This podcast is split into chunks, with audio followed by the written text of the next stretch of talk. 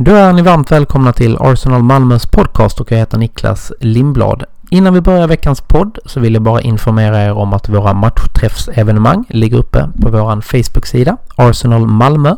Så att det är bara att gå in och anmäla er till någon av våra träffar där. Det går också bra att följa oss i våra andra sociala medier. På Instagram heter vi arsenal.malmo och på Twitter heter vi Arsenal Malmö och även vår hemsida arsenalmalmo.se. I sådana här tider får ni jättegärna också besöka våra lokala samarbetspartners Sir Tobis, Jack Sport i Svedala, Limmans Biltvätt och Sax and the City. I denna veckans podd har jag med mig reportern och kommentatorn Jonas Dahlqvist som till vardags jobbar på Discovery Networks, alltså Dplay. Jonas håller på Sheffield United och vi passade på att eh, diskutera lite inför fa Cup kvartsfinalen nu på söndag mellan just Sheffield United och Arsenal. Podden är inspelad den 24 juni och vi rullar uh, gingen. Ha en trevlig lyssning. For the Malmö, uh, Arsenal Supporters Club.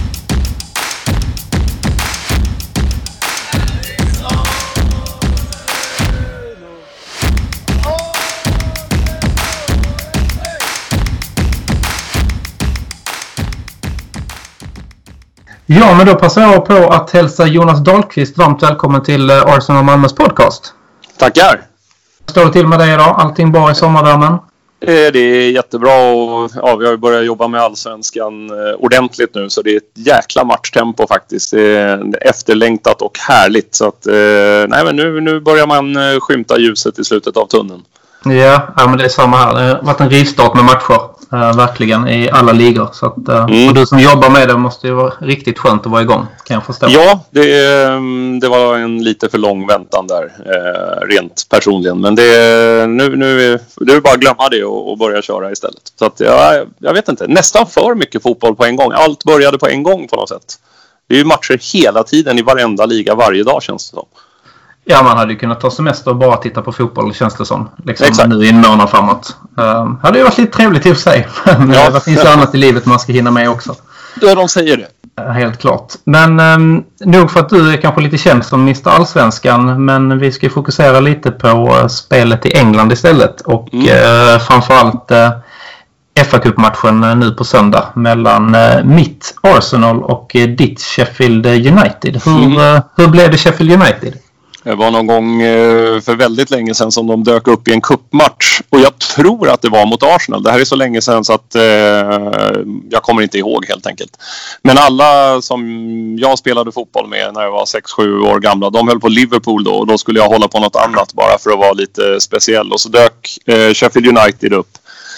Det kan ha varit FA-cupen, för de spelade ju inte alltid högsta ligan eh, på den tiden. Då tyckte jag de hade snygga tröjor och så eh, var det inte svårare än så. Eh, så då började jag följa dem lite på tipskupongen. Det var ju enda sättet man kunde se det. Jag tror inte jag såg dem igen spela på flera, flera år. Men jag hade på något sätt eh, bestämt mig för Sheffield United och Port Vale tyckte jag var ett coolt namn också. Eh, så det var, det var bara för att försöka vara lite exklusiv som jag, som jag tog dem. Och det har man ju fått ångra resten av livet.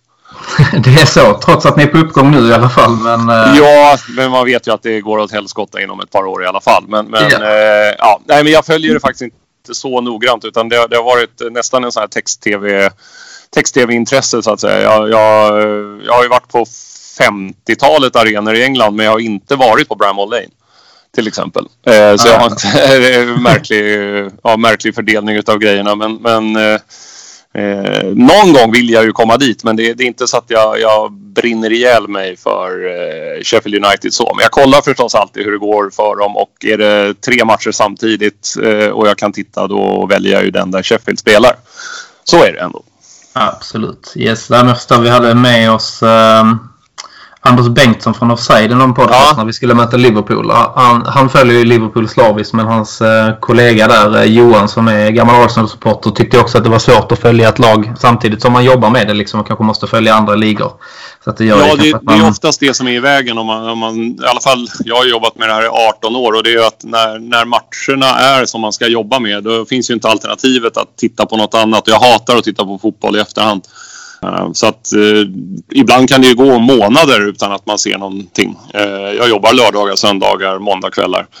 Eh, så att det, det, man får bara bita i det. Men finns tillfället då kollar jag naturligtvis. Men det, det är inte alltid det gör det.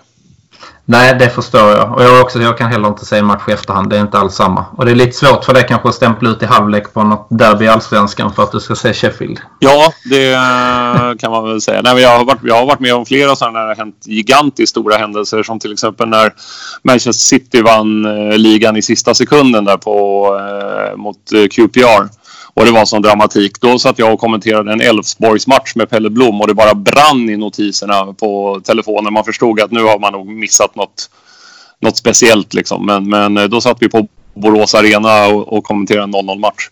Uh, och det, eh, det är bara att gilla läget. Ja, det förstår det. Det är inte mycket mer att göra. Men det kan ju, hända, kan ju hända magiska saker på Borås Arena också kanske. Någon gång. Ja, jag har varit med och gjort eh, några guld där också. Eh, åt både ja, åt ändra håll så att säga. Förstår det. Absolut. Ja. Yes. Äh, vad tycker du om Sheffields säsong nu? Jag är faktiskt imponerad eh, ja. av deras eh, säsong faktiskt. Um... Jo, jag, jag håller väl med. Det, det här är ju över all förväntan. Eh, det var ju inte gigantiskt många nyförvärv. Eh, det var ju inte så att de vann Championship med 20 poäng eh, och kom upp som några superfavoriter till att ligga på övre halvan. Jag var helt inställd på att det skulle vara, det skulle vara krig om tredje sista platsen ner möjligen. Liksom där någonstans skulle de ligga. 15, 16, 17, 18. Eh, men det har de ju överträffat enormt och gjort det med ett ganska fint spel dessutom. Eh, med en väldigt brittisk trupp. Eh, de har ju väldigt få som inte är från öarna. Och så det där brukar ju liksom, det brukar betyda en viss sorts fotboll. Men här har det ju varit tvärtom. För de har imponerat spelmässigt också. Det är ju det som är, det, är det som är absolut roligast med det. Ja, men jag håller med. Det är just det som gör att det, är, alltså, att det är så kul att det går bra när ett lag kommer upp och liksom verkligen vill spela sig kvar i Premier League och inte liksom bara kötta sig kvar. Um, det gör ju att till och med jag kan tycka om dem lite. Liksom. Alltså, ja, de, de, de, har, de har väl gjort just att, att eh, de har kommit med några taktiska drag som har varit lite att han har varit nytänkande. Eh, Chris Wilder och det, det, är ju på något sätt så är det imponerande. Sen så tror inte jag att det här håller över en längre period att de kan fortsätta i 5-6 år. Vi ser ju alla sådana här klubbar som kommer upp som har haft långa sessioner i andra ligor. Alltså du kan ta Bournemouth eller Burnley. Alltså man, man lever på inspirationen och kanske på framgångsvågen några år. Men till slut så tunnas eh, originaltruppen och originalidéerna ut och, och, då är det jättesvårt att, att ta det berömda andra klivet och liksom etablera sig på riktigt. Eh, så det, det, det, det, här är ju någonting som vi får se om fem år huruvida det lyckas eller inte. Men det är extremt svårt. Det är ju bara att ta alla sådana här gamla Stoke som har ramlat ut. Och, ja, men du, du kan räkna upp hundratals. Det är det som har gjort Leicester så imponerande. Att de faktiskt etablerat sig på riktigt. För det var ju ett lindansargäng för inte alls många år sedan. Så den, den, är svår att ta sig över den där. Eh, det är som något sorts glastak man måste bryta igenom. Ja men verkligen. Ja, men jag hoppas att, eh, att det håller i sig för dem. Verkligen. Ja. Det, det är kul med lite, att det kommer upp lite andra klubbar också som inte har varit med på ett tag liksom och kan, och kan eh, hävda sig. Det är bra ja, för, hela, för hela, hela ligan också faktiskt. Ja, lite ruljangs skadar liksom inte. Och jag gillar ju när de, som Wolverhampton till exempel, när de kommer upp efter många år ur eh, klassiskt lag som dyker upp igen. Eh, också med en sorts nytänk där fast eh, ja, lite ekonomiskt halvlurigt där med agentägande och dylikt. Men fin fotboll spelar de i alla fall. Absolut, absolut. Men eh, ja, nu efter återstarten har det inte gått lika bra. Eh, Nej. Men, men ni har 0-0 mot Villa och 3-0 förlust mot Newcastle och sen möter ni United uh, ikväll. Mm. Uh, är det läge att vända det ikväll tycker du? Ja, absolut. Det är ju hur lätt som helst. Nej, men det, där är ju, det, den är ju halvlurig förstås. Å andra sidan så har de gjort det ganska bra mot topplagen men kanske inte räckt hela vägen fram. Och där har ju Sheffield United haft samma problem som Arsenal eh, i att de har kryssat väldigt mycket. Eh, det har funnits eh, faktiskt en handfull matcher där, där Sheffield United hade kunnat vinna matchen lika gärna men det blev kryss och det, Arsenal har väl kryssat bort hela säsongen eh, skulle jag säga. Så det, det, det, jag har ju svårt att se att de går in och, och, och dominerar mot United. Plus att om Sheffield United släpper in mål så är det problem. De har inte gjort särskilt många mål. Eh, så man kan inte förvänta sig att de gör två, tre, fyra mål utan det, det är 1-0 segrar och i absolut bästa fall en 2-1 seger. Eh, annars är krysset nära. Så de, de är väldigt målsnåla. Absolut är de det. Uh, men det, ja, det ska bli en spännande match att se i ett utifrån perspektiv för min del i alla fall. För den är ganska avgörande där om de ska haka på. Ja. Lite om de där Europaplatserna. Så att, ja. det ska bli en spännande match. Och lag som slår United är alltid populära här. Ja, ja att, det, det, känner jag till. Ja.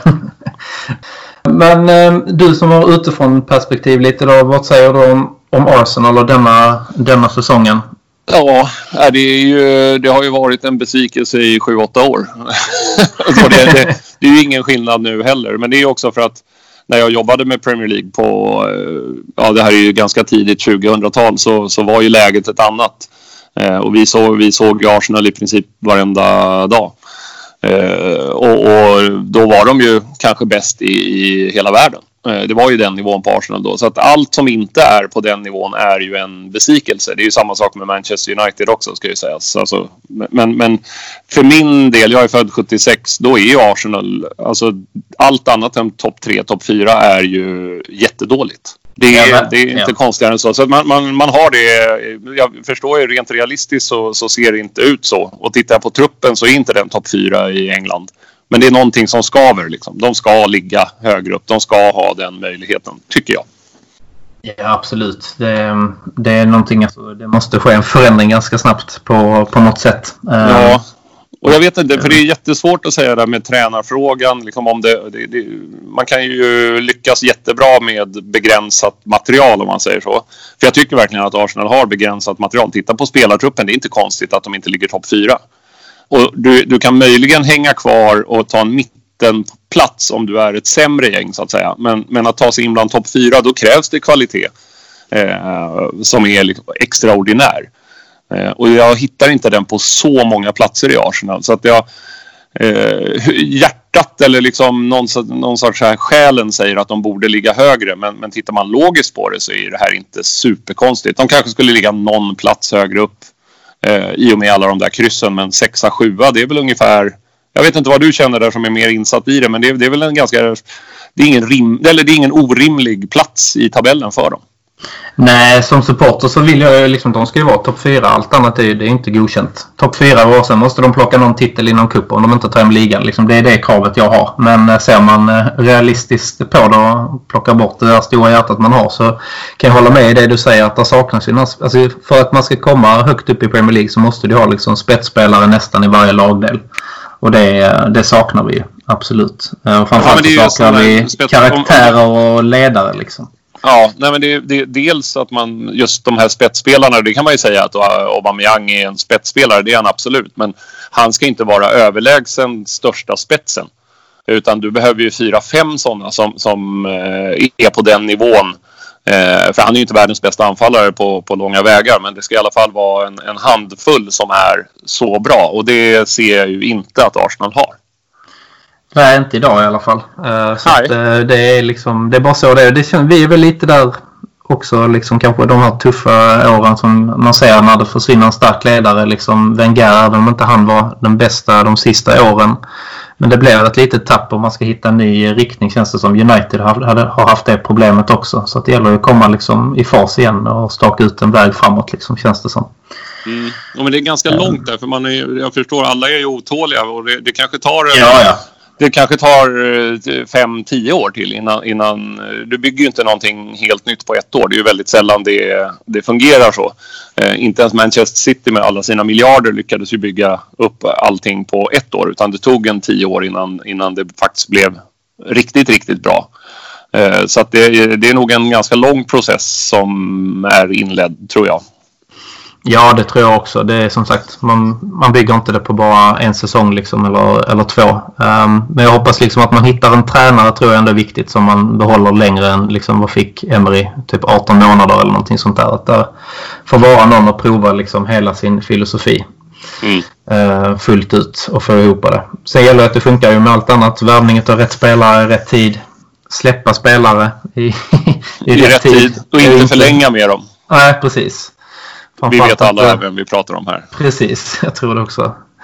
Så att um, sånt också måste ju funka. Liksom. Det är inte bara liksom, tränaren och laget idag utan det är allting runt omkring klubben också som, mm. ska, som ska synkas liksom, och leva i harmoni för att uh, det ska gå bra. Mm. Eh, så att där har vi en väg att gå, helt klart. Mm. Mm. Men, ja, nej men man, så, som supporter kan man inte ge upp liksom. Så är det ju. Det Nej, det, ju, det, ska man ju inte göra heller. Men, men eh, man lever ju alltid på den där there's, there's always next season och så vidare. Men eh, efter några år i rad med den tanken så blir det ju inte kul. Å andra sidan var det Europa League-final förra våren. Så att det, det, liksom, ja, det finns ju grader i helvetet. Ja, absolut. Visst gör det det. Nej, då, så att, eh, det finns ju lite minim, väldigt, väldigt minimal chans att man kan komma upp lite. Men den är ju ja. i princip borta. Ja, men, men det är ganska tajt där alltså att komma upp så att man kan komma femma, sexa. Alltså Europaplatsen är väl ganska avgörande skulle jag säga. Ja. Eh, för att det, det, är ju bara så att du, du kan locka till dig bättre spelare nästa säsong om det ändå är Europaspel. Och då är det ju bättre med Europa League-spel än inget.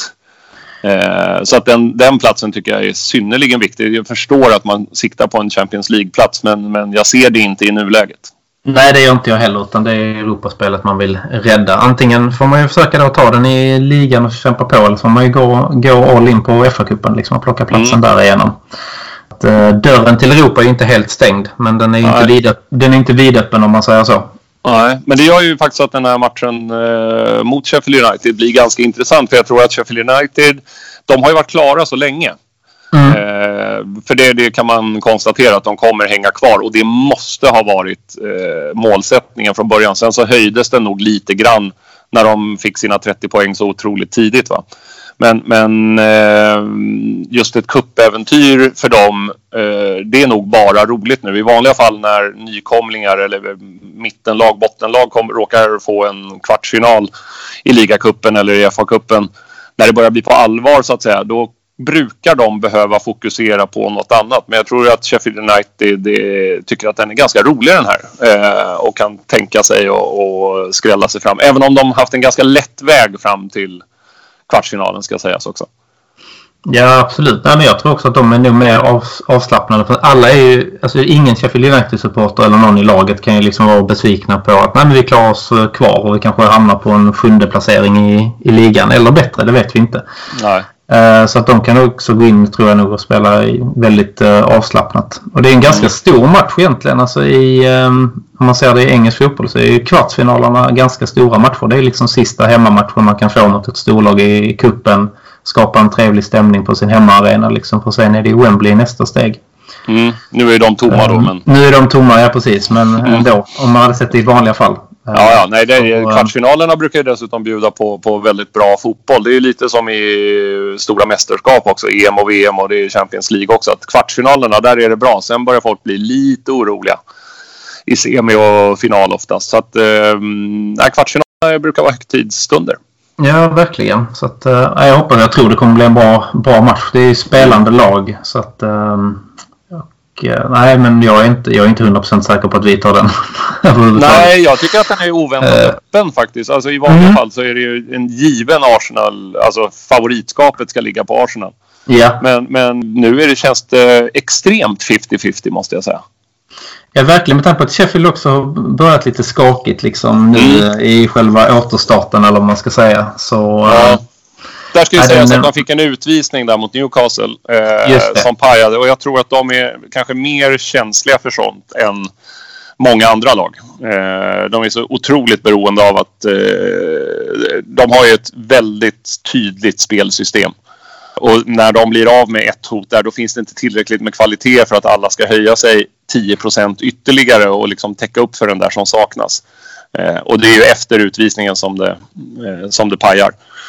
Så att, eh, men att de inte har gjort mål det är ju naturligtvis ett problem. Men som sagt, de har gjort, jag tror att de har gjort 30 mål i ligan på 30 omgångar och ligger ändå 7-8. 8 tror jag. Eh, på målskillnad. Så att det, det, ehm, de är ju inget gäng som vräker in mål framåt. Det är de absolut inte. Däremot väldigt bra bakåt. De är en extremt bra målvakt.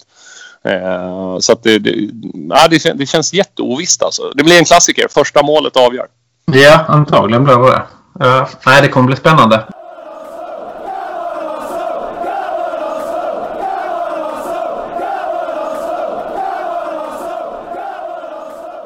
Men hur stort hade det varit för Sheffield United om det hade blivit Europaspel nästa säsong?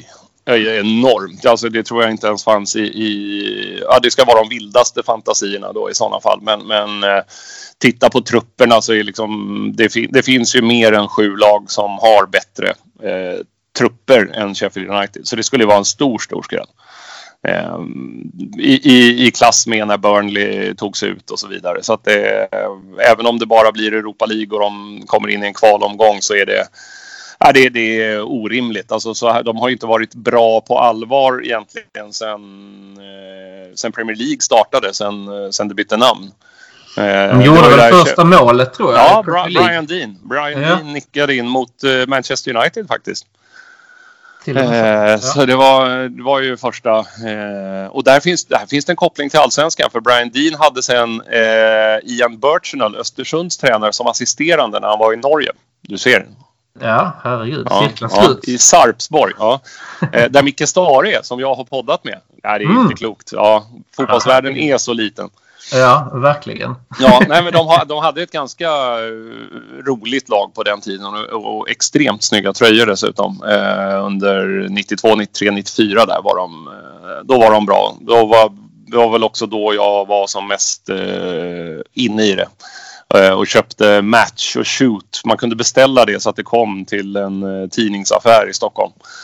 Eh, så man fick gå ner och hämta det på, kan ha varit på fredagarna man fick hämta den. Den kom ut måndag i England men så jag betalade en svindyr prenumeration alltså.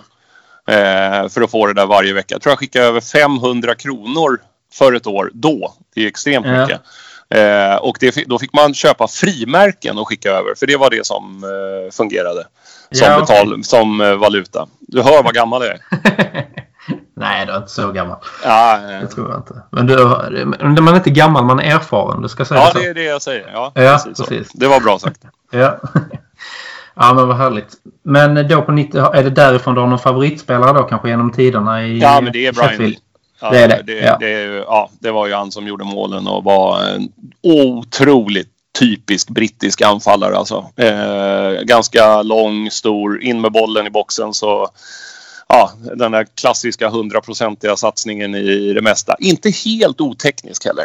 Nej. Men, men eh, ja, han hade inte funkat i dagens fotboll så kan man väl säga. Men eh, det var roligt då. Skiten skulle in bara.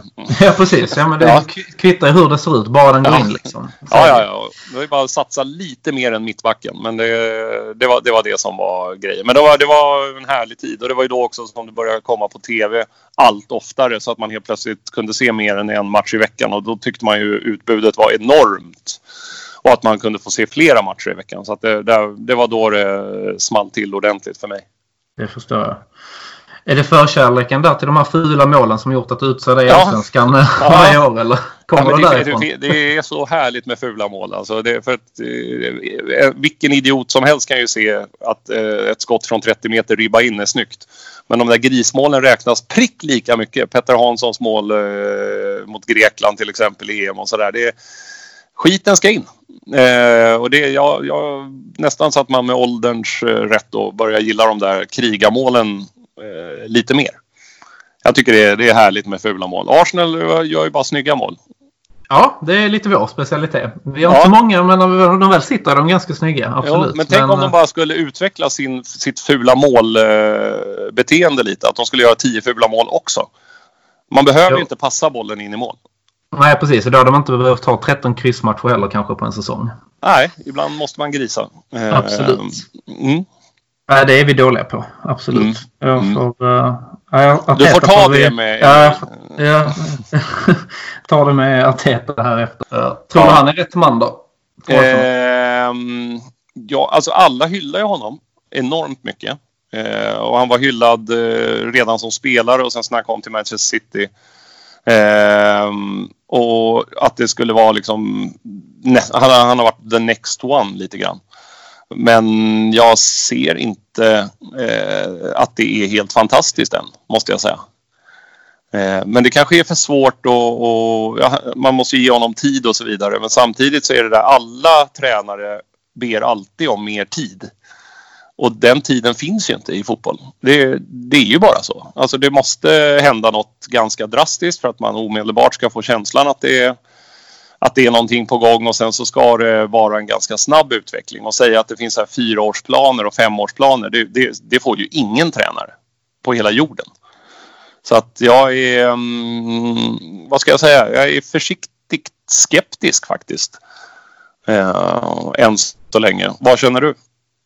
Nej, men jag känner väl att det här avbrottet med coronan var ju inte, ja, det har inte varit positivt för någon. Men eh, det Nej. kändes ju som att han behöver liksom lite rejäl kontinuitet eh, och få in det. Så att jag kommer inte döma honom än. Det som jag tycker är så skönt är att man har en Alltså en, han brinner för Arsenal och vet vad som krävs för att spela och han känns som han vågar sätta lite högre krav än vad eh, Emery gjorde för han kändes ganska kravlöst liksom. Uh, så att kan han få igenom det så får vi ge honom nästa säsong i alla fall och se vad det ger. Den här säsongen har han ju halva säsongen är ärvd av en annan tränare liksom. Um, så att, ja, jag hoppas att han, uh, att han uh, får till det i alla fall. Mm. Man vill ju det också med tanke på att han har spelat i klubben så har han nog, han har nog lite extra extra tid på sig från fansen. Mm. Där, ja, man får ju alltid tre matcher till på något sätt. Eller, mm. eller vad det nu är. Tre dåliga ja. matcher. Precis. Nej, men jag, jag hoppas på det men nej, man vet inte. Det är hans första liksom, riktiga jobb där han är liksom helt ansvarig. Och eh, ja. Arsenal är en klubb där man inte får eh, misslyckas. Eh, så att eh, det är tufft men han eh, visste nog vad han skrev på när han gjorde det. Jag tror inte det har kommit som en överraskning för honom i alla fall. Nej, jag vet inte vad... Det var väl där runt jul han tog över va? Eh, boxing Day. Jag var på boxing plats, Day till och med. Ja. På plats mot Bournemouth borta och såg hans första match. Just det. Så, um, um, och det var Ljungberg några matcher innan där bara. Ja, uh, delat, precis. Ja, tre, fyra, fem matcher fick väl Ljungberg eller någonting sånt där. Ja. Men där, för där kan jag nog inte säga, tycker du att du har sett någon skillnad om, eh, på den tiden där? Det blev väl två och en halv månad då egentligen innan corona-avbrottet. Ja, det blev det ungefär han fick. Ja, men jag tyckte inställningen och eh, alltså då jag märkte det första gången det var egentligen för vi såg Chelsea-matchen också som spelades. Det var hans andra match. Där märkte man ju att spelarna alltså de jobbade och slet och de sprang. De var mm. riktigt bra, var värda att vinna mot Chelsea där men de var ju trötta efter 75 minuter. Då undrar man hur de har tränat liksom tidigare på säsongen. Liksom, och så tappar de den till 2-1. Eh, men inställningen kan jag ändå märka det, kan jag ändå märka det på lite. Eh, att de, de kämpar liksom i alla fall. Det var inte den här uppgivenheten. Fick vi ett, de sista matcherna mot Emery fick vi ett mål i baken liksom så. Då var ju matchen slut. Då slutade de ju kämpa liksom. Mm. Men eh, spelmässigt så är det ju mer, alltså det är mer kvalitet i allting som ska upp liksom. Så att eh, på ett sätt är det synd att inte denna säsongen är slut och att de hade kunnat försäsongsträna istället. Eh, jag tror det hade utvecklat truppen och eh, gett eh, Arteta den tiden han behöver för att sätta sitt egna spel. Ja. Uh, jag, har, jag, har ju ett horn, jag har ju ett horn i sidan till uh, Arteta sedan uh, eh, 2016 på sommaren när jag var på Mallorca. och hans ungar sabbade min dotters sandslott. Ja, ute på en beach. Så att du hör ju själv, det, var ju nästan så att man ville gå fram och säga någonting. Sen såg jag att fasen vad han var vältränad när jag... Oj, det är Mikael Arteta. Ja. Gick du på gickbanan och frågade om autograf istället? Ja, nej, det var, jag backade undan lite sådär bara. Jag var på väg fram och sen så bara tog jag en omväg. Du gjorde det? Ja. Ja, men sti, stilig karl. Ja. Ja, men jag förstår. Går, går de på ens barn liksom sådär på resan? Det är liksom... nej, det är inte Ja, okay. men barnen Arteta, det var några riktiga... Ja, det var jobbigt. Men där kan jag också säga att även på stranden eh, på eftermiddagen sådär, helt perfekt frisyr. Ja, ja. Ja, ja. Det spelar ingen roll om det blåste. Den sitter som en hjälm. Vet du. Ja, ja. Men den ja. är ju, han är född med en perfekt frilla. Liksom. Han, ja, det är han och, och Sanetti. Ja, precis. De uh, hade det turet i, turen i livets lotteri. Ja, ja, de, har ju, ja, är, de är ju bra på annat också de jävlarna. Ja, tyvärr har de fått mer alltså. Men uh, det är inte ett hårstrå som ligger fel. Mm. Så är det verkligen. Men du, eh, man kan väl i alla fall säga att formmässigt så är ju ändå Sheffield United bättre. Jag tror, okej, okay, förlust mot City, det tror jag är, alltså det förstår alla att det, ja, ja. det blir ju det. Men Brighton-grejen där, dessutom på det sättet där, eh, då, det är inte roligt tror jag. Då, då, känns det av att det inte är publik och ja, man börjar tänka negativt. Får jag, jag får den känslan i alla fall, plus allt skit runt David Luiz. Ja, precis. Nej, den är inte... Nej, det, var, det är nog en av de sämsta matcherna på länge. Alltså. Det mm. där tappar vi också inställning. Vi var rätt så bra. Alltså, vi hade kunnat leda den matchen i halvlek ganska komfortabelt. Men det är åter där igen. Man ska inte passa hela vägen in i mål. liksom. Nej, nej. Uh, nej men det är ju borta så. mot Brighton. Liksom. Ja, ja men det ska ju bara vara tre poäng. Något annat än tre. Nej, nej, inte om du ska det... vara där uppe. Nej, nej, inte ens ett kryss är accepterbart där liksom. Och sen, uh, alltså det är total katastrof. Så det gäller ju att uh, verkligen liksom komma tillbaka direkt här nu imorgon mot uh, Southampton. För att det ska ja, bli. och de är lite luriga tycker jag. Mm, det är de mm. faktiskt. Vi har haft, hade lite problem med dem i förra matchen. Så att, det... ja, men då så här, de kan göra tre mål i en match. De kan också släppa in 6-7. Men, men ja, det, det beror på vad du får på dagen. Liksom. Ja, ja, precis. Har de en dålig dag så är det, då är det lugnt. Kul. Men har de en bra dag då är, ja, är det, det inte roliga att möta. Ja, nej, precis. Nej. Och jag tror ja. att de, de kommer ju ge allt mot Arsenal. Den, den grejen har vi kvar. Liksom, att alla ger ju allt mot oss. Det är ingen som går in och bara känner nej, det är inte lönt att försöka. Liksom. Och det är nästan värre när du inte har den toppkvaliteten då. För att de, alla andra har inställningen att det är topplag de möter och går in verkligen 100 procent i precis allting. Eh, och är du överlägsna då spelar inte det så stor roll. För, för då mäter man bara styrkor mot varandra och då vinner det bättre, bättre laget. Precis. Men nu är det ju inte alltid så. Nej, verkligen inte. Så att, äh, det kommer att bli eh, tufft både imorgon och på söndag. Man har ju, mm. mår, mår ju inte bra i de här dagarna. Det är liksom... det är supporterlivet. Man mår ja, inte bra. precis. Nej, men det gör man ju nästan aldrig. Det var länge sedan jag tror jag mådde bra. Ja, ja, ja. men skulle, en, skulle en FA Cup-final, alltså jag tror det är ju svårt att gå hela vägen eftersom det är så jäkla många andra bra lag eh, med. Mm. Men, men en final sådär, är det då, känns det okej okay då liksom?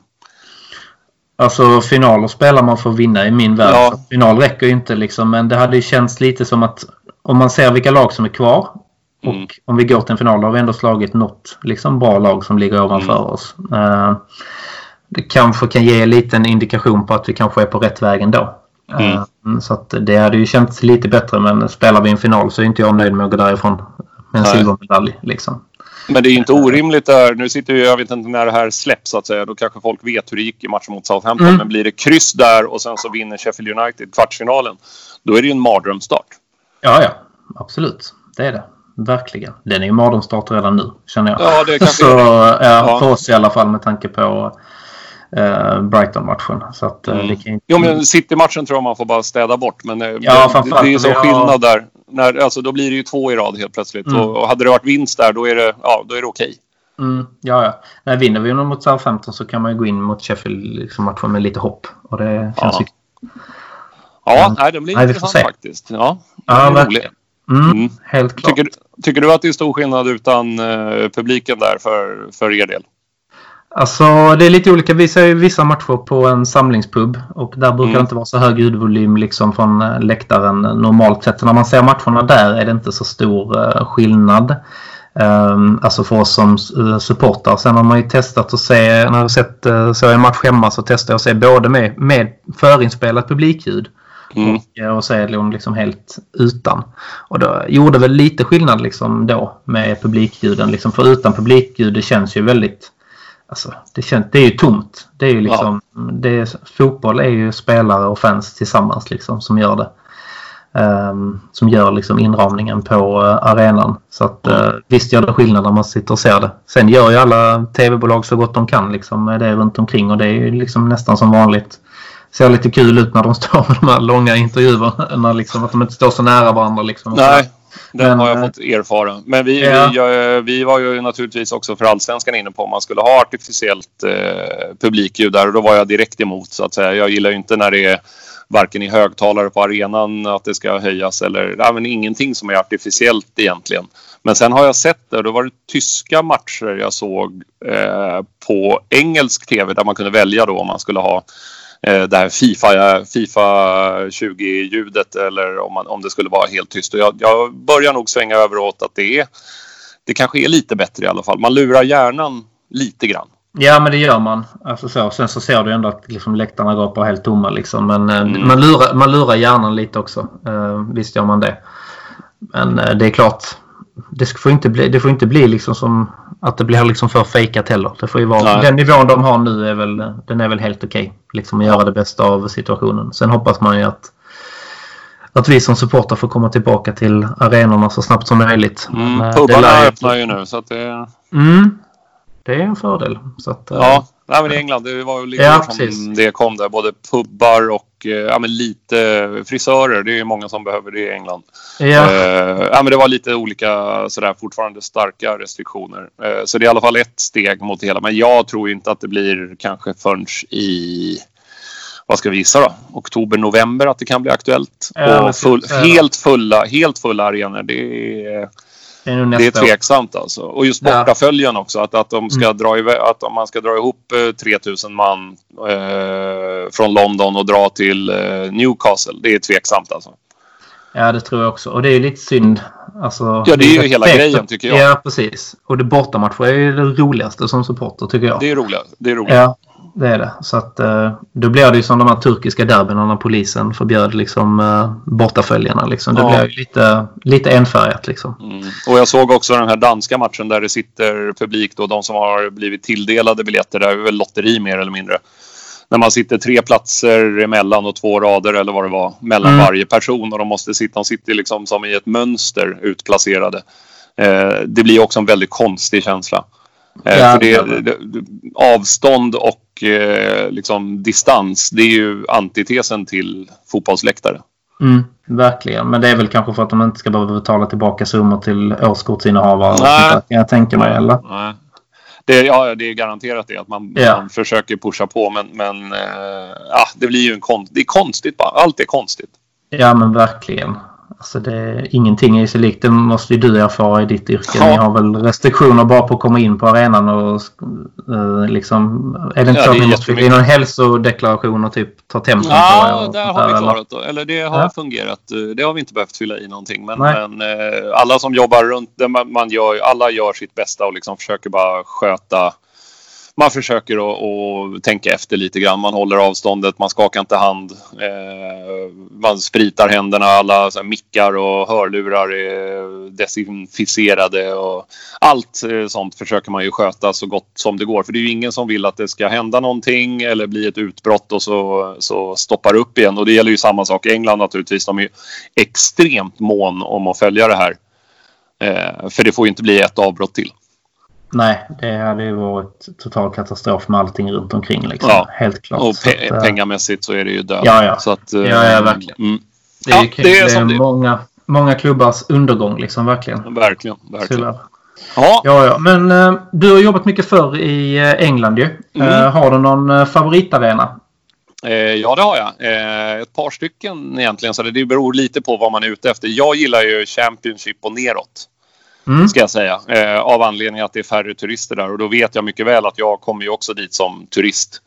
Eh, men men eh, jag kanske inte är genomimponerad av arenor där det är, ja det är ju London och Manchester eh, egentligen. Där, kan, där det kan vara en 30-40 procent som är där som om det vore en musikal eller någonting. Att man tar det som en del av ett Londonbesök eller ett Manchesterbesök. Det, det blir ju inte lika roligt helt enkelt. Det, det går inte att komma ifrån. Så eh, den jag haft roligast på som bara dyker upp nu, det är nog City Ground, Nottingham. Extremt bra. Häftigt. Klassiskt. Ja, den är, den är fin. Sen är Newcastle bra i, i Premiership naturligtvis. Jag gillar Fulham för att den ligger så bra och behändigt. Eh, ganska trevlig liten arena. Eh, man kan gå ner och ta sig en öl vid floden. Eh, det är ju aldrig fel heller. Och Nej. sen, eh, ja, men sen finns några mindre som också är roliga. Darlington var rolig. Eh, men det är, de har ju till och med åkt ur ligasystemet nu. Men, men eh, sådana där arenor gillar jag att åka till när det är ja, men en, en bra bit utanför Colchesters gamla och sådär. Det, är- det är skoj. Men det är ju det klassiska, föredrar genuina. Ja, ja. Man vill och, och, sen, ja, och Brentfords eh, gamla var ju fullständigt lysande. Eh, nu byter ju de här. Eh, det, det blev ju lite konstigt byte. De var väl inne på att de skulle säga farväl till gamla arenan och gå upp i, i Premier League och, och börja med den nya direkt. Det är den som man ser när man kommer från Heathrow och åker in mot stan. Eh, till och med. Eh, så är den precis bredvid motorvägen där. Eh, tornar upp sig, eh, den nya. Eh, men gamla var ju lysande Griffin Park. Jag tror att de spelar där nu denna säsongen ut så att säga. Eh, det har jag inte koll på. Men där, det var den klassiska med en pub i varje hörn. Mm. Enormt trevlig. Ja, men det är det man vill åt. Jag gillar också de klassiska arenorna. Det kan bli lite för modernt på de här nya och sen är det ju Mm. det, man känner av det själv när man är på Emirates. Där är liksom vissa som... Man får ju spel på vissa som sitter liksom och skypar hem till liksom dem för att visa vad ja. de är och sånt där som inte har fokus på matchen. Liksom. Så att, eh... Nej, det är inte riktigt på det sättet. Då var ju Highbury eh, betydligt bättre. Eh, jag hade ju turen att göra sista matchen på Highbury. Eh, så att det var, ett, det var ett speciellt ögonblick, det måste man säga. Så den gillade jag verkligen. Jag gillar också när man kommer upp ur tunnelbanan att du liksom är på plats direkt. Mm, det, det, ska liksom inte vara vid något stort uh, Asda eller parkeringshus emellan och så gigantisk, gigantiska ytor utan det ska ju vara mitt inne i ett kvarter. Uh, där folk bara kilar runt på gatorna och man fattar knappt ens att det är en arena man är bredvid för det är bara en del av stadsmiljön. Det är ju det, är det optimala tycker jag. Mm, verkligen. Det är väl Craven Cottage där. Fulhams arena är väl lite så också. Det bara, mm. Den, den ligger lite i en park liksom. sådär. Men den är ja. fin. Uh, ja, det är en gal. Man kan, man kan köra dit och ställa sig utanför huvudingången. Det är inget konstigt. Nej. Uh, och, där, där, uh, och det är samma Watford det är också så. att Det är liksom mitt ute i lilla förorten. Så då ligger arenan där den ska ligga på något sätt. Och det, det, sådana grejer gillar jag. Alltså egentligen allt nybyggt. Om du åker till Wigan eller Stoke eller vad det är. Där de liksom har byggt ut det vid något köpcentrum. Det är inte, det är inte min grej. Nej, men jag håller med. Det ska vara, det ska vara liksom, klubben ska vara en del av det området och den uh, staden liksom, där de är. Mm. Då, mm. är det, då är det som allra bäst. Just Helt det. klart. Uh, men när du jobbade i England, har du intervjuat någon Arsenal-spelare eller någonting sånt där? Många! Ja, det måste du ha gjort. Framförallt under ja. den tiden måste du ha intervjuat de stora ju. Ja, där var, vi ju, där var vi ju väldigt ofta. Dessutom så hade vi ganska bra kontakt med hon som var pressansvarig på, hos Arsenal. Mm. Så där fick vi, vi fick eh, bra saker. Så det var ju Wenger ofta, Touré, Gilberto Silva, Henry, eh, Pires, eh, ja, Rami Shaban och Ljungan när de var där. Eh, så det, det rullade in ganska många Arsenal-profiler faktiskt. Eh, som, eh, det, var, det var fina tider. De var också bland de första att ha riktigt bra eh, pressrum för, eh, för tv-personal. Så man kunde komma dit och få eh, liksom, bra faciliteter. Att det fanns en, en backdrop, alltså en sån svart skärm du kunde ha bakom som du kunde hänga upp saker på. Och så så att det, de gjorde det lätt för oss att jobba. Eh, kom man till Charlton då fick man sätta sig i en barack. Liksom. Eh, men eh, Arsenal, det var på nya träningsanläggningen. Det var, det var väl uttänkt så att det var favoritgrej att åka dit. Colney. Ja men det förstår jag. Det måste vara smidigt för er att komma. Ja, Absolut. Ja, det, var, det var härligt. Men jag vet inte hur det var då, för nu känns det som det är så uppstyrt alla de här intervjuerna inför grejerna. Ja. Liksom. Um, kanske var lite lättare när du bevakade Premier League, men vet, nu har ni kvar FA-cupen har väl ni på Discovery va? Oh ja, uh, uh, FA-cupen och ligacupen uh, ja. denna säsongen ut. Och de ja, du kan ju få intervjuer där. Det, det beror lite på fortfarande. Om du har tur med något intervjuoffer som är på bra humör och sådär, då, då brukar det funka. Men är de, de är ju väldigt oroliga. Det ska alltid sitta någon eh, klubbrepresentant bredvid eh, och lyssna på vad de säger och sen så kan de tycka att någon fråga är för, för, för jobbig eller liksom ifrågasättande och då får man inte ställa den och det måste bort och ställer du två sådana då kan de bryta intervjun. De har liksom, jag vet inte vad det är, de, vad är de är rädda för egentligen. Eh, men, men de behandlar spelarna som att de sitter på försvarshemligheter från NASA. Liksom det, nej, det, det är osannolikt tråkigt. Så att det var någon gång kanske 2007, 2008 som det där började ta över allt för mycket. Eh, så att jag är väldigt glad över att jag inte behöver åka runt och, och göra eh, stora internationella lag längre. Det, det, är liksom, det är faktiskt inte kul utan det är bara det är meningslöst tycker jag. Ja, men jag kan förstå. Det känns också som att det är lite löpande bandsprincipen, de här intervjuerna. Det känns ju liksom som att ja, men nu kommer svensk tv in och sen kommer dansk och sen kommer norsk och sen kommer liksom fransk. Ja, det kan liksom, vara så. Alltså, det kan vara så. Men, men eh, nu tror jag att det snarare är så att man får ju göra en intervju Eh, skulle, vi göra, skulle vi få en intervju med någon till exempel i en, i en engelsk klubb då måste vi använda den för Discovery och Eurosport i tre, fyra länder. För annars kommer vi aldrig ja, få okay. intervjun ens. Utan nej, nej, okay. Eh, de, de orkar inte med Sverige. Liksom. Det, vi nej. är läng, längst ner på alla listor. Ja. Eh, och förut kunde man, man hade ju nummer till många svenska spelare i England. Alltså de flesta skulle jag säga. Eh, så då kunde man ringa och liksom kolla om de kunde göra någonting utanför och det, det funkade då. Men sen så, det var väl också den vevan där 2006-2007, då de, ja, sprids det en intervju med någon som inte är sanktionerad av klubben, då blir det ett jävla hallå. Så att mm. eh, de får inte göra så längre helt enkelt. Men annars var det, ja, där 2003-2004, då, då var det inga problem. Så att, eh, nej, det har blivit betydligt, betydligt tråkigare faktiskt. Ja, väldigt strikta också. Så att, men det märker man som tv-tittare också. Liksom, att det är inte... Sen hade ni lite, jag måste faktiskt ge er lite cred till när det var Kanal Plus var det väl då när du jobbade mm. tror jag. Då hade ni, alltså jag kommer ihåg någon, liksom, ni hade lite, ni liksom var lite nere och gjorde lite andra typer av reportage som jag saknar idag i tv-sändningen. Jag tror att du var på någon djurpark till exempel ja, och gick igenom klubbmärkena. Ja. Och sen uh, var det någon, um, när ni var ute och kollade på någon uh, så här Sunday football och det var någon jättegammal domare, jag vet inte om det var Englands ja. äldsta eller om man hade hållit på längst. Liksom, sånt ja, ja han, var, han var härlig. De, ja. var roliga, de var ju det roligaste att göra där när man får göra Men det var också för att vi var tvungna att börja göra sådana saker eftersom det var väldigt meningslöst att försöka få tag i spelarna. Mm. Eh, att det, det, gav ingenting så att då försökte vi hitta eh, ja, men, eh, andra företeelser runt omkring. Som var, det var ju jätteroligt. Vi gjorde någon i någon skivaffär med inmarschlåtar och ja, men lite sådana saker som man fick, eh, man fick liksom tänka till och göra det eh, lite annorlunda. Mm. Men um, det, det, de tar ju också lite längre tid ska ju sägas. Så att det var för tidskrävande. Så jag förstår varför det, varför det är som det är. Ja, precis. Men det, var, det ger ändå, jag tycker det är kul att någon gång under säsongen att det kan komma lite andra typer av reportage. För det visar ändå lite på hur, hur stor fotbollen är i England liksom mm. och allting runt omkring och sånt där. Ja, bland de roligaste jag gjorde var ju det med han som läste resultaten på BBC. Ja, han som har läst 45 i... år. Ja, ja, han är död nu. Men han, ja. det var ju han som uppfann den där med Huddersfield nil, Arsenal 2. Då skulle han liksom låta glad för laget som vann. Eh, och lite ledsen för laget som förlorade. Det var, det var så han läste det och han gjorde det varje... Han gjorde det alla helger i, från att han började tills att han slutade. Det var alltså 40 år. Eh, utom en när han fastnade i trafiken. Ja. Men annars gjorde han det varje helg i 40 år. Det är, det är fan starkt. Och han var väl inte, eh. eller var han sportintresserad? För jag har hört någonting om att han bara var typ nyhetsuppläsare. Ja precis, men från början var han väl bara liksom att de skulle, ja men du kan lägga på i de vanliga nyheterna typ. Exakt så. Han gör ja. roligt. Ja. Och, och, då blev folk var vansinniga men hans chef, för att han läste det på det sättet, men hans chef tyckte att det var roligt så då fick han göra en helg till och sen så rullade det på. Ja. Eh, och så blev det en, en eh, ja det blev en klassiker helt enkelt. Men det var en otroligt härlig person. Ja, ja härligt.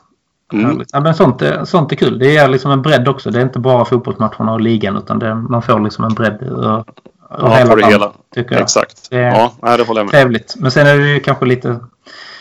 Vissa saker är gjorda och sen... Det är lättare att kanske göra sådana reportage också i Allsvenskan med resor och sånt där. Allting ja, det omkring. kan man väl lugnt säga. Ja, det är lite bättre tillgänglighet här. Jag kan tänka mig det. Mm. Verkligen. Ja, ja.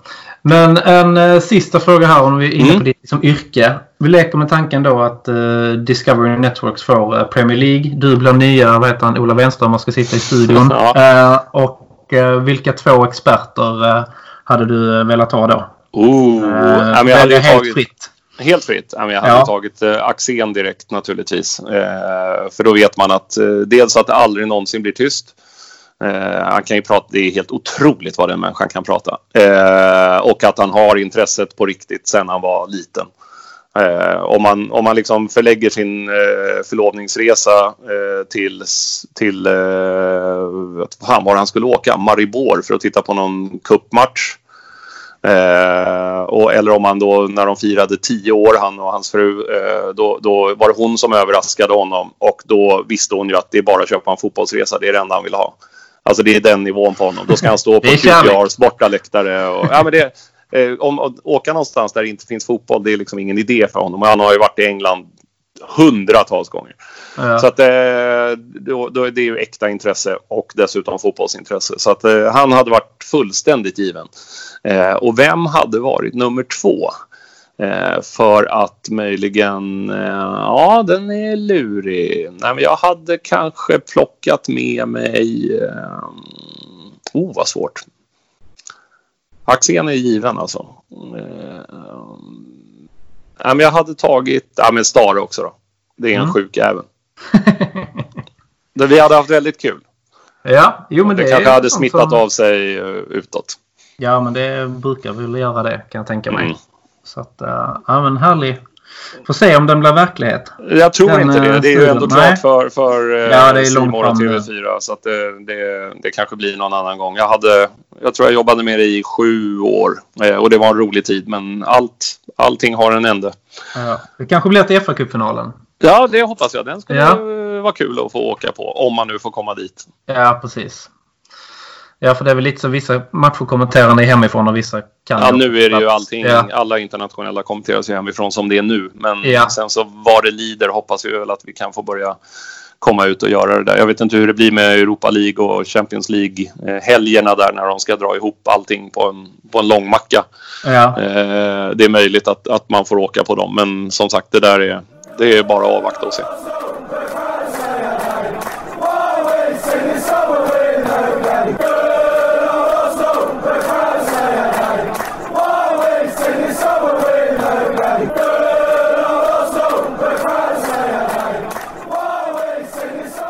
Nej men härligt eh, snack eh, Jonas. Jag hoppas att, vi, eh, att det blir en rolig och spännande match på söndag i alla fall. Och ja. det är ju tyvärr bara ett lag som kan stå som vinnare och jag hoppas att det blir Arsenal och du hoppas någonting annat.